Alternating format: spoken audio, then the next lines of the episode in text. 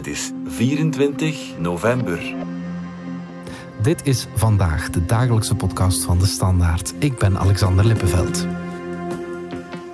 Straks moet premier Alexander De Croo naar de Kamer. En als ik op de oppositiebanken zou zitten, dan wist ik het wel. Dan zou ik toch eens vragen wat er van zijn regering nog rest, nu zelfs coalitiepartner en liberale zusterpartij MR constant stokken in de wielen steekt. Zijn partijvoorzitter wegsprint van de camera's en nu zijn begroting eigenlijk ronduit een beschamend werkstukje blijkt. Hoe werkbaar is Vivaldi nog?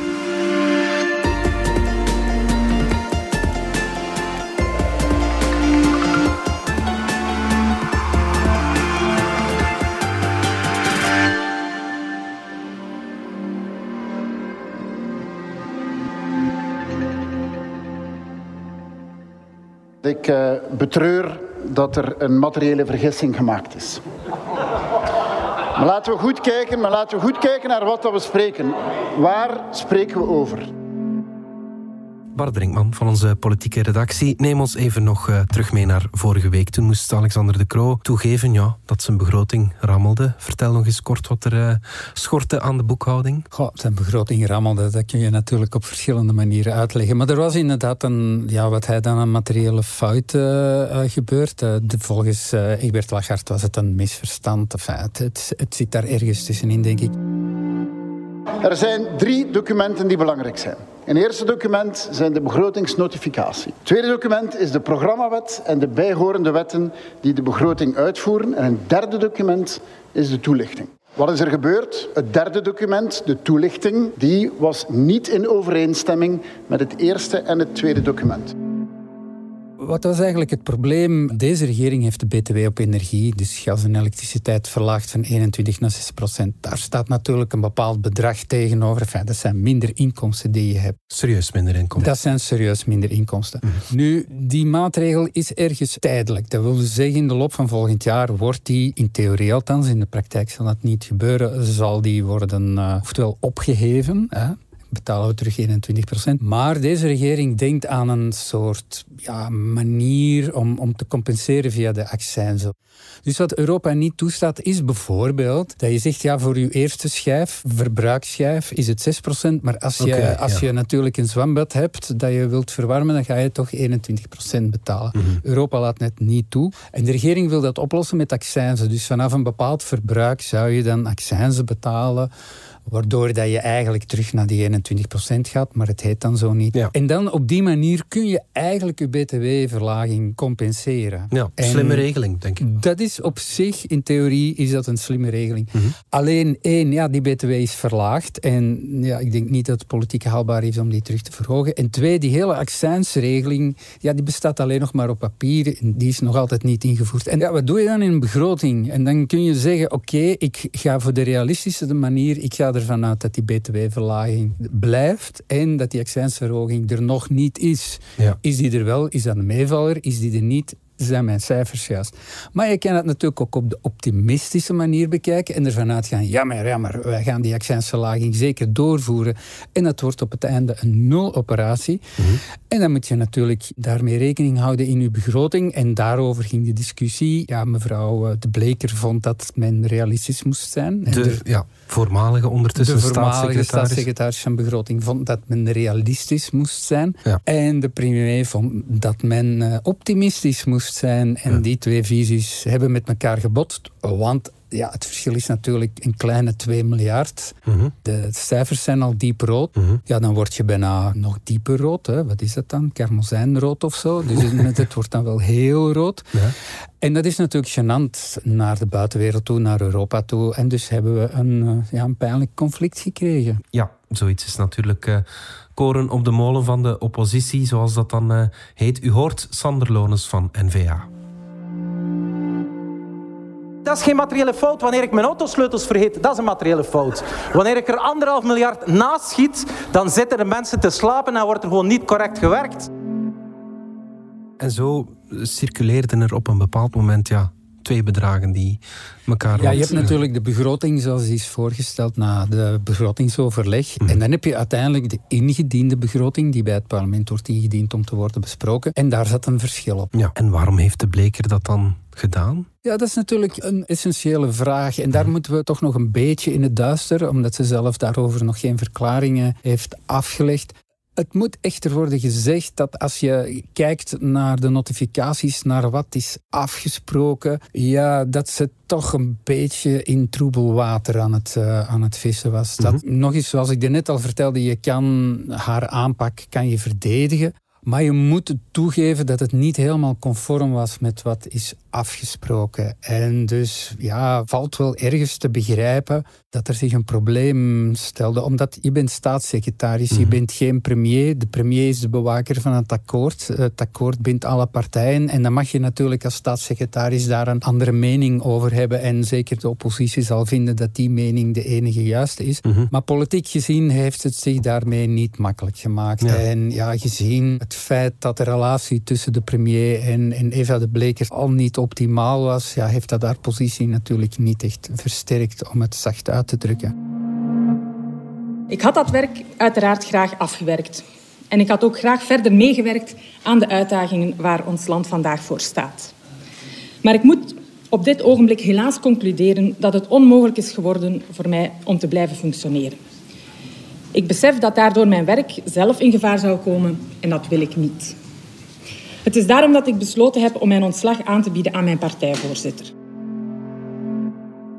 Begrijpt het politieke spel gewoon niet zo goed? Ga, ook dat is moeilijk te zeggen, omdat het is iemand die een beetje out of the blue kwam. Uh, ze was niet verkozen, ze werkte voor de Europese Commissie. Voor zover we hebben begrepen, gaat ze, keert zij ook gewoon terug naar de Europese Commissie. Mhm. Dus het is iemand zonder mandaat. Het is wel iemand die werd omschreven als beloftevol, uh, met een hele goede relatie met voorzitter uh, Lagarde. Die dacht een, een nieuw talent te hebben gespot. Maar ik denk wel dat we moeten toegeven dat het er niet helemaal... Of eigenlijk niet is uitgekomen. Al vind ik ook wel dat het heel moeilijk is als staatssecretaris van begroting om, uh, ja, om er goed uit te komen. Want ja, je bent volledig afhankelijk van wat anderen uh, doen. Je, je let wel op de cijfers, maar je kan eigenlijk niks afdwingen. Je, je kan, geen beleid voeren. Hè? Je kan geen beleid voeren. Je kan ook niet afdwingen dat een begroting minder in het rood is gegaan of zo. Dat kan je niet. Dat is een groot verschil met een staatssecretaris voor asiel bijvoorbeeld. Mhm. Die voert beleid, die komt in het nieuws. Zij is een paar keer in het nieuws gekomen met uitspraken over die begroting die ze dan achteraf niet kon hardmaken,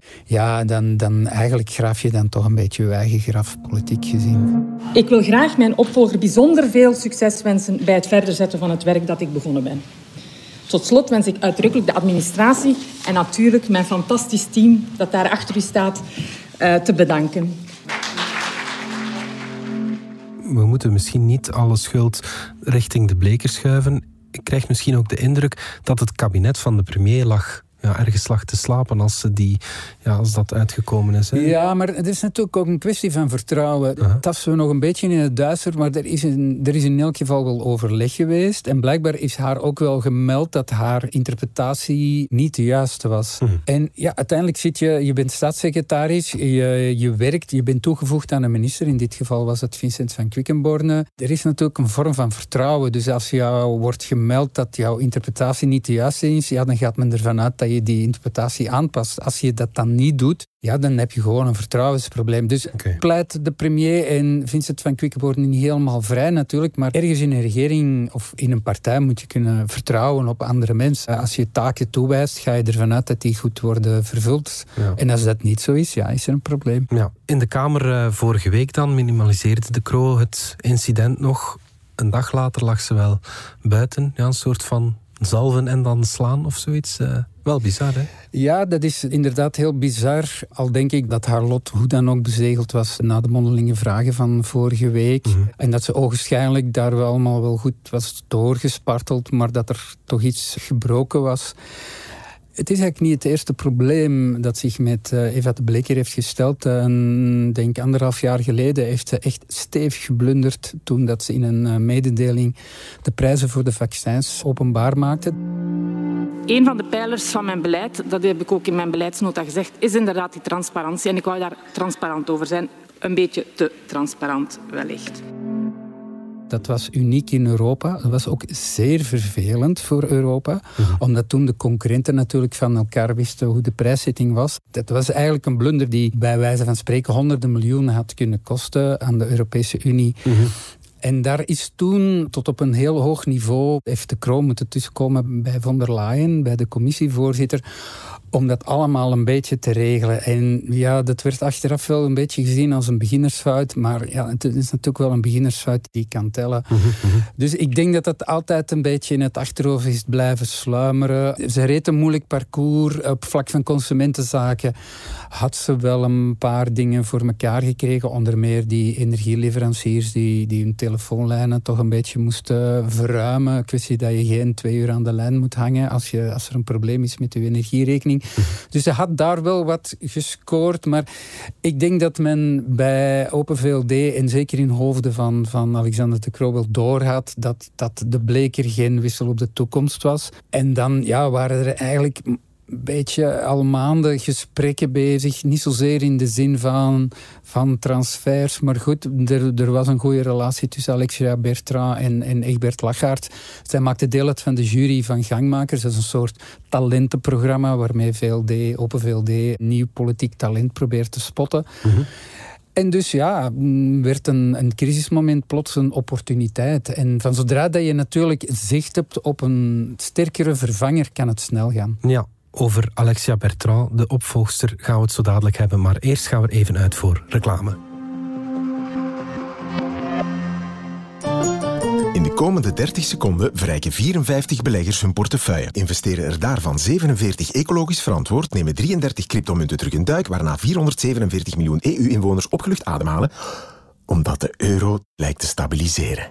De financiële wereld beweegt razendsnel. In onze podcast Stand van Zaken staan hoofdeconoom Koen de Leus en Chief Strategy Officer Philip Gijsels stil bij de financiële trends, zodat u uw blik kan verruimen. BNP Paribas Fortis, de bank voor een wereld in verandering.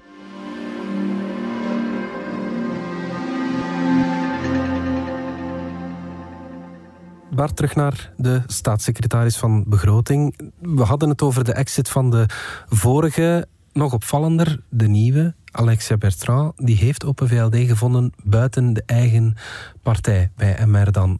Kan er dan niemand bij de Vlaamse liberalen een uh, begroting deftig lezen? Eh, ik denk dat er een aantal uh, Vlaamse liberalen zich dat ook afvragen. Maar ja, anderzijds, je kan er niet omheen dat, dat Alexia Bertrand natuurlijk wel een goede transfer is. Zij heeft ook een Open VLD-lidkaart genomen. Uh, ze zal ook opkomen voor Open VLD. Ze zal zetelen als ze verkozen is. Enfin, ze, is nu, ze heeft nu ontslag genomen uit het Brussel parlement omdat dat niet compatibel is met het staatssecretariaat. Maar als ze opnieuw verkozen is, dan zal ze ook voor Open VLD zetelen. Ik word inderdaad lid van de Open VLD. Ik verheug mij om mijn eh, VLD-kaart te nemen. Eigenlijk een evidentie om de liberale familie te komen versterken. Uh, en mijn eerste lijnen zijn natuurlijk uh, met de voorzitter van de Open VLD en met de premier. ik word vandaag benoemd in deze regering door de Open VLD. Dus dat lijkt mij zeer duidelijk. Gewoon iemand met een, met een heel sterk profiel. Uh, iemand die, die heel veel ervaring heeft, hoewel ze nog geen veertig is. Hè. Kabinetchef geweest bij Didier Reinders, okay. vicepremier in de vorige regering. Komt natuurlijk ook uit een ja, steenrijke familie. Ze is jonkvrouw, omdat haar vader van adel is. Haar vader is een van de leidende figuren, Luc Bertrand, bij Akkermans van Haren. Een heel belangrijke holding. Mhm. Dus het is iemand die, moet ik het zeggen, uit een zeer elitaire familie komt, maar, maar dus ja, gaandeweg toch heel veel ervaring heeft kunnen opdoen. Ja. En dus natuurlijk ook wel een begroting kan lezen. En dat bleek eerder deze week tijdens het eh, VLD-partijbestuur, dat ze, dat ze echt heel beslagen was. Dat men zich eigenlijk afvroeg, ja, waarom vertelde ze dat ze in de dossiers uh, ging duiken? Want uh, volgens ons was het helemaal niet nodig. Kent ze het gewoon? Ja, dat vindt ook Open VLD-voorzitter Egbert Lachaert. Hij klonk op de voorstelling van Bertrand als secretaris toch erg enthousiast. Liberalen zijn liberalen en onze overtuiging, dat is eigenlijk het eerste dat van belang is. Alexia stond sowieso al met een halfbeen bij Open VLD, ook in de lokale politiek. Dus op zich is zij iemand van ons. Ik moet ook eerlijk zijn, hier moet je de beste vrouw op de beste plaats zetten. Die begroting is een gigantische uitdaging, dat weten we allemaal in crisistijd. Uh, daar moeten stappen voor uitgezet worden wat ons betreft. Er moet ook nog over hervormingen kunnen gesproken worden. Dan moet je echt ook iemand nemen met de nodige kilometers op de teller. En electoraal, is ze daarvan ook van goudwaarde dan? Dat moeten we natuurlijk nog zien. Mhm. De vraag is natuurlijk op welke manier men haar electoraal zal uitspelen. Het idee was en is nog altijd om met een gezamenlijke lijst uh, te komen. Uh, dat zal dan eigenlijk een MR-lijst zijn waar Open VLD-kandidaten op staan. En dan zou zij daar de derde of de vierde plek kunnen krijgen, waardoor ze eigenlijk eh, gegarandeerd uh, verkozen is. Het is nog niet helemaal duidelijk wie bij MR die lijst gaat trekken. Is dat uh, Sophie Wilmes?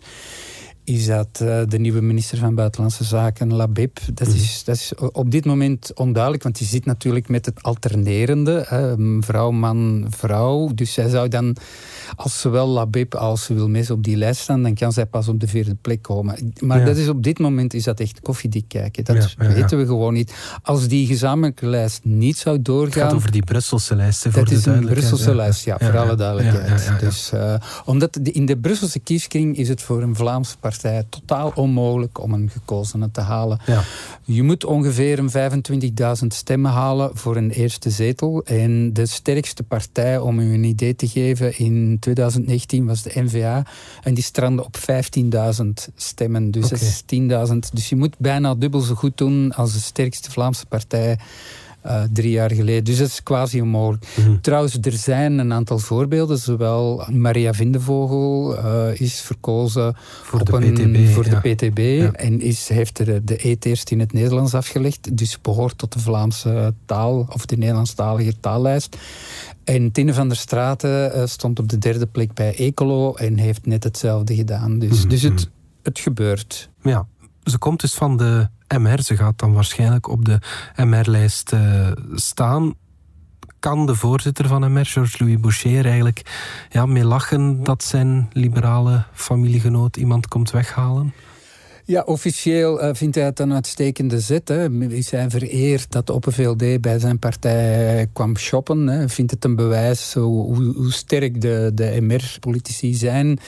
Uh, officieus zijn er nogal wat verhalen dat hij in alle staten was, dat hij zeer boos was. Hij was ook heel laat in de loop genomen. Dat had ook te maken omdat hij in het vliegtuig zat naar Abu Dhabi, waar hij de Formule 1-wedstrijd uh, bijwoonde.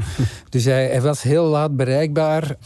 Ik heb zelf van Egbert Lachart gehoord dat hij uiteindelijk wel met een klein hartje gebeld heeft. Omdat hij echt wel dacht van we gaan hier storm krijgen. En hij zei ja, achteraf gezien viel het nog mee. Ja. Het is niet aangenaam voor Georges-Louis Boucher. Nu moeten we daar onmiddellijk aan toevoegen dat de relatie tussen de twee ook echt niet goed was. Mm -hmm. Er zijn een aantal momenten geweest waarop Bertrand uh, in de regering had kunnen komen. Bijvoorbeeld in de plaats van uh, die staatssecretaris voor digitalisering Michel, die uit, het, uit de lucht kwam vallen.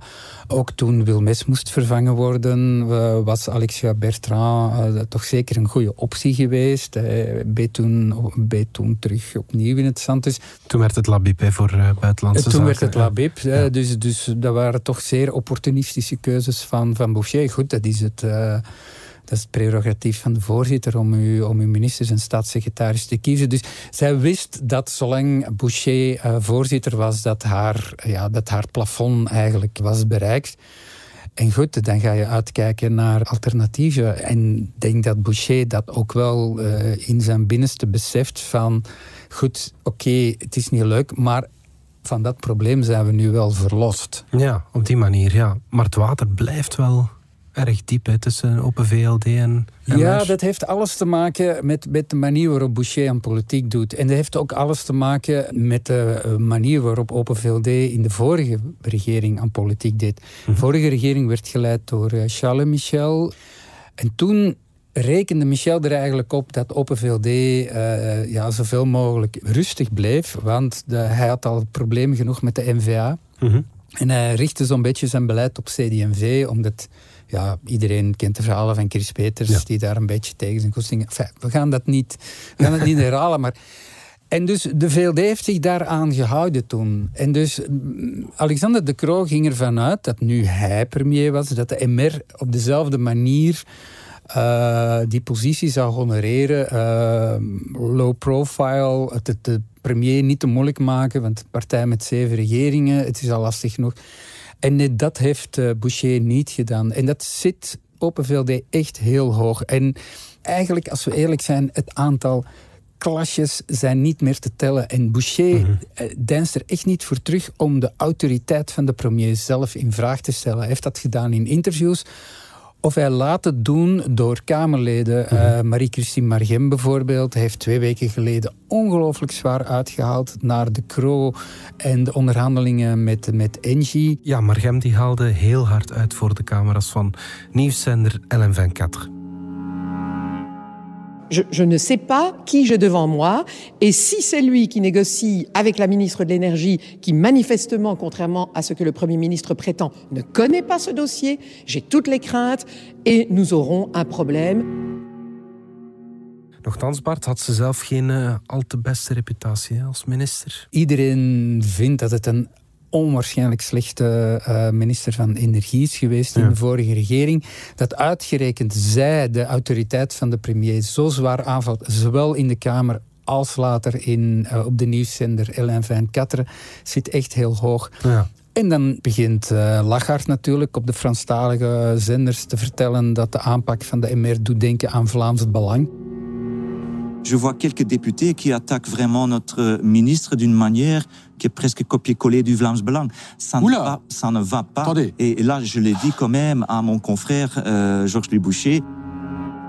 Ja, veel dieper kun je een eh, Franstalige politicus niet beledigen. Hmm. Dus dan begint uh, Boucher vanuit Abu Dhabi te twitteren dat de begroting op niks trekt. Dat Van Quickenborne eigenlijk ontslag had moeten nemen. Uh, dat, dat het nucleaire helemaal in het slop zit. Dus je had op een bepaald moment dat je echt een opbod. Ja, maar dan kwamen ze maandag toch met een gezamenlijk communiqué. Ik uh, citeer even. Hè. In een tijd waarin burgers en bedrijven verschillende crisissen moeten trotseren, bevestigen Open VLD en MR dat ze elk volgens hun rol in deze coalitie de impact van het liberalisme willen versterken en dat ze de goede werking en efficiëntie van de federale regering willen garanderen. Binnen die context zullen voorzitters Lachaert en Boucher initiatieven nemen om onze acties beter te coördineren. Ja, Bart, wat vind je? Klinkt dat dan overtuigend voor jou als uh, analist? Nee, natuurlijk niet. Okay. Uh, zoals iemand mij vertelde, doet, het denken aan een soort uh, verdragje tussen Joden en Palestijnen. Dat, mm. dat, dat, dat, duurt ook niet langer dan één dag. En dat mm. heeft natuurlijk alles te maken met het feit dat die partijen fundamenteel ja, anders te werk moeten gaan. Je hebt aan de ene kant heb je Open VLD, die hebben, die hebben de premier, die rekenen op de kanseliersbonus. Dus die, ja, die moeten zich niet alleen low profile houden, die moeten er ook alles voor doen dat de Kro er goed kan uitkomen. Dat hij in 24 zich aan de kiezer kan presenteren en zeggen, kijk eens, ik heb dit en dit en dit gedaan. De voor, goede. Voor, voor het land, ik ben uh, goed bestuur en geef mij, geef mij terug vijf jaar. Bij de MR heb je een totaal andere uh, doelstelling. Ja, één, die zitten in een soort concurrentie met PS en PTB ook. Waardoor ze zeker in Wallonië um, ja, zeker ook de rechtse kaart trekken. Soms ook de populistische kaart. Omdat ja, het, het, landschap is daar helemaal anders. Maar ja, Boucher heeft natuurlijk ook, uh, en dat is misschien ja, wat verder in de tijd, maar heeft ook de ambitie om ooit premier te worden. En Boucher is ook naastig op zoek naar populariteit in Vlaanderen. En vreemd genoeg, of dat is misschien niet vreemd genoeg, hij haalt die ook zeker bij, bij liberale kiezers, omdat die, zo, die liberale kiezers die hebben zoiets van, ja kijk, wat, wat Lagarde niet zegt, dat durft die Boucher wel zeggen. Ja. En dat, dat maakt het bij de, bij de Open VLD nog frustrerender, want zij weten natuurlijk ook ja. dat Boucher op de meeste issues wel een punt heeft, wel gelijk heeft. Alleen... En zeker voor een stamboek liberaal als Slaggaard Zeker voor een stamboek uh, liberaal zoals Slaggaard, wat eigenlijk een donkerblauwe uh, liberaal is. Hij is het niet alleen, hij is ook verkozen op een donkerblauw mhm. programma. Dus Lachart moet dan dulden dat een Franstalige liberaal in Vlaanderen komt vertellen wat hij eigenlijk wel wil vertellen, maar niet kan vertellen, omdat hij op die manier ook de autoriteit van de premier zou ondergraven. En, wat dan natuurlijk diep zit bij Open VLD is dat ja, Boucher zou die, diezelfde afweging kunnen maken. En, en men vraagt zich dan ook af, ja, wat heeft Boucher te winnen? Want hij, wie zegt dat één, dat hij de verkiezingen gaat winnen in 24? En twee, ja, als je op die manier met je partners omgaat, ja, dan wordt er wel eens een vergelijking gemaakt met een schorpioen. Hè, mhm. Die plots steekt omdat hij het niet kan laten. Hè. Je mhm. kent het verhaal van de kikker en de schorpioen die overzwemmen. En de schorpioen hè, op, op, halfweg de rivier prikt dan toch de kikker. En de kikker zegt, ja, waarom doe je dat nu? Want we gaan nu samen verdrinken. En de schorpioen zegt, ik kan het niet laten. Het is sterker dan mezelf. En dat is eigenlijk ook wat, wat bij Boucher het probleem is. Dus hij, hij, hij prikt de Open VLD.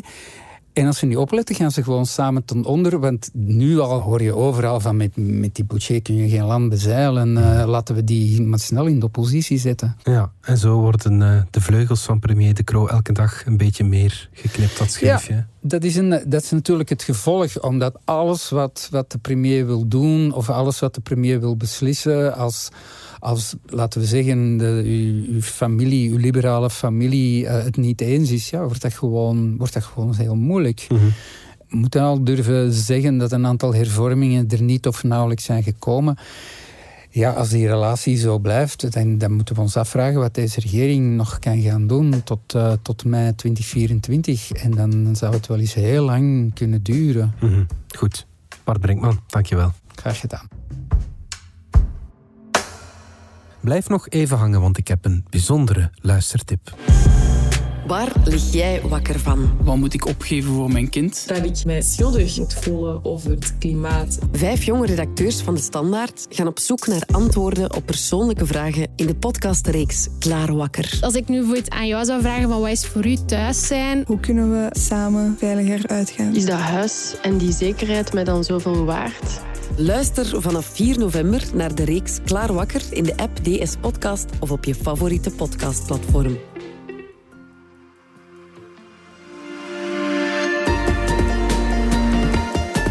Dit was vandaag de dagelijkse podcast van de Standaard. Bedankt voor het luisteren. Volg ons op Spotify, Apple Podcast of eender welk ander podcastplatform. In onze gratis FDS podcast kan je niet alleen ons werk beluisteren, maar ook de beste podcasttips terugvinden met zorg geselecteerd door onze redacteur Max de Moor. Alle credits van de podcast die je net hoorde vind je op standaard.be-podcast. Reageren kan via podcast.standaard.be. Morgen zijn we opnieuw.